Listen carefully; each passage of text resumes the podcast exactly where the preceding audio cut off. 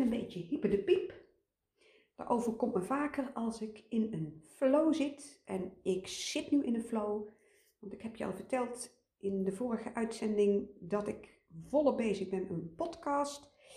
En ik heb uh, het gehad over de rebel, over rebelleren en over rebelen.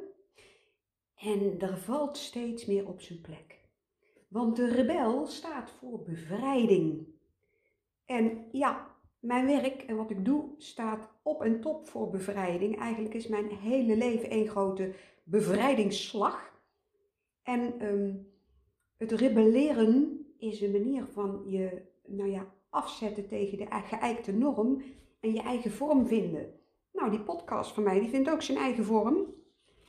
En uh, ik moet wel lachen, want het schoot me ineens iets te binnen van vroeger. Ik heb ook in het onderwijs gestaan, jaren en jaren geleden, allerlei leeftijden lesgegeven. En er was ooit in een bovenbouwgroep een meisje en die noemde mij juffrouw Bel. En eh, ik vroeg er ook nog wel eens, ja, maar waarom noem jij mij nou juffrouw Bel? en dan zei ze, ja, want je klinkt als een belletje. Soms kun je echt bellen en uh, oeps, dan moeten we opletten. Maar ja, je bent gewoon een, bel. Je bent gewoon juffrouw Bel. Ja, en daar, hield ze bij. Maar ik moet zeggen, ik herinner me dat. En ik herinner me dat tot, tot op de dag van vandaag.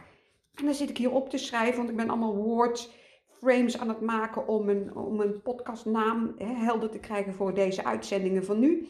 Rebel, rap, L, L die rapt, rebel. En toen kwam die juffrouw Bel tevoorschijn eh, drijven. Dus eh, misschien was ik destijds als juffrouw al iemand die aan de bel trok, zodat jij, nou ja, je losmaakte van dingen. En misschien ik zelf natuurlijk ook wel, want mijn eigen stappen zijn altijd de zoektocht naar die bevrijding geweest. En uh, nou ja, dat staat niet haaks op of tegenover uh, mijn uh, metafysisch werk of het werk in het tempeltje.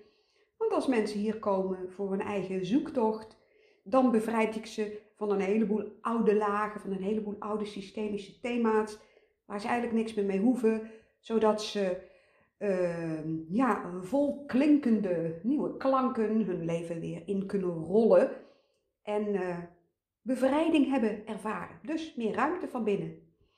En uh, nou, dus um, Rebellende L die gaat een paar uitzendingen rebel maken.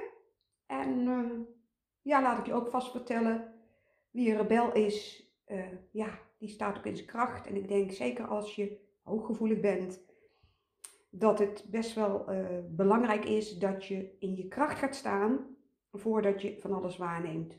Nou, daar weet ik ook alles van. Ik weet hoe dat werkt. En daar gaan we het weer een andere keer over hebben. Dus bij deze uh, groetjes van juffrouw Bel.